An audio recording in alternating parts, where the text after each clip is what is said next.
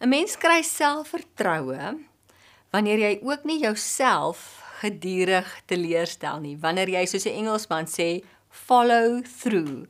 Wanneer jy doen wat jy gesê het jy gaan doen.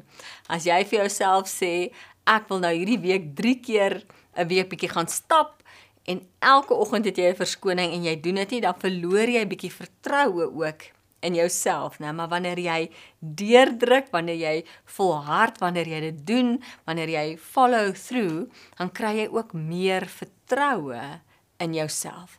En die feit is, ons het ook 'n aandeel. Uh ons het ook iets wat ons moet doen wat ons kan help om ons selfvertroue of ons vertroue in God dan te ontwikkel. En as jy jouself gedurig gaan teleurstel, dan gaan jou selfvertroue later verkrummel.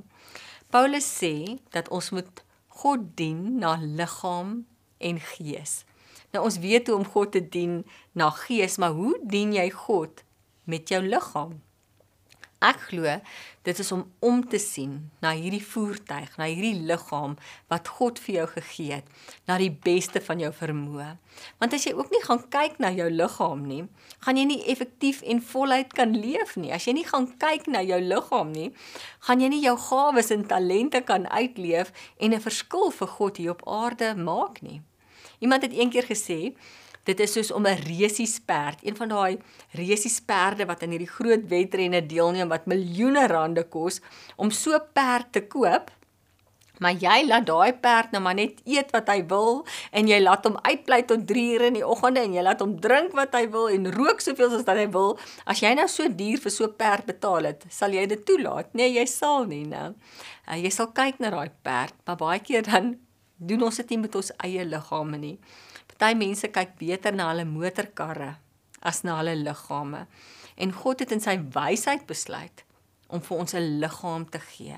En ons moet omsien na hierdie voertuig, na hierdie liggaam wat hy vir ons gegee het om mee te leef hier op aarde. Paulus gaan verder en hy sê dat jou liggaam is 'n tempel van die Heilige Gees. Nou in daai tyd uh, was dit ongehoord want die liggaam was nie veel werd gewees in in die tyd toe Paulus dit geskryf het nie. Maar hier gaan hy en hy beklemtoon die belangrikheid van die liggaam dat ons moet omsien na ons liggame. En wanneer Paulus sê ons liggaam is 'n tempel, dan gebruik hy die Griekse woord naos vir tempel. Naos. En naos is die allerheiligste gedeelte van die tempel, die naos van die tempel. Daai gedeelte wat net die priester een keer 'n jaar mag ingegaan het. So Paulus sê God se gees bly in jou. Respekteer dit. Respekteer hierdie liggaam wat hy vir jou gegee het. Kyk daarna. En dit dit kos volharding en dit vat harde werk en jy moet deurdruk en jy moet follow through om dit te kan doen, né?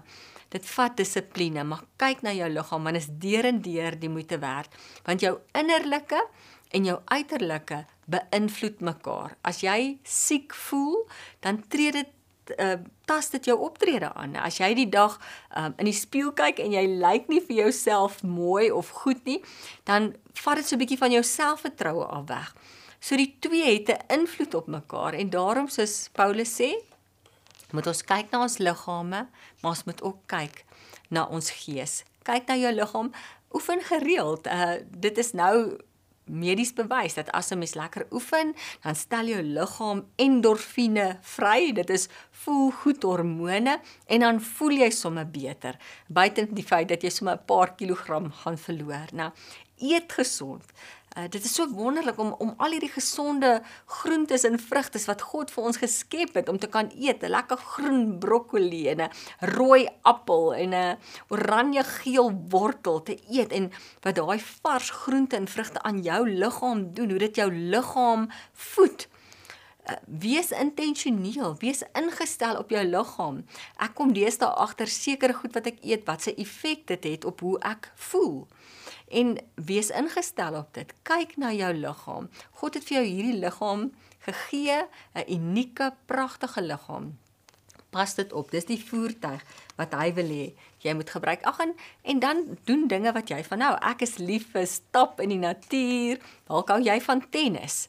Uh doen wat jy lief want anders gaan jy in elk geval opgee daarmee as jy iets doen wat jy nie van hou, wat na jou liggaam kyk.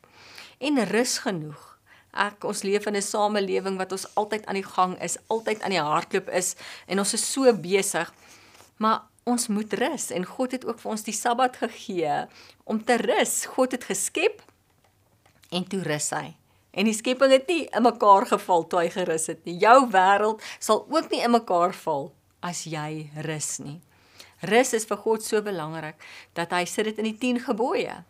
Om te rus word in dieselfde asem genoem as moenie moord pleeg nie. So kyk na jou liggaam. Pas hierdie voertuig wat hy vir jou gegee het op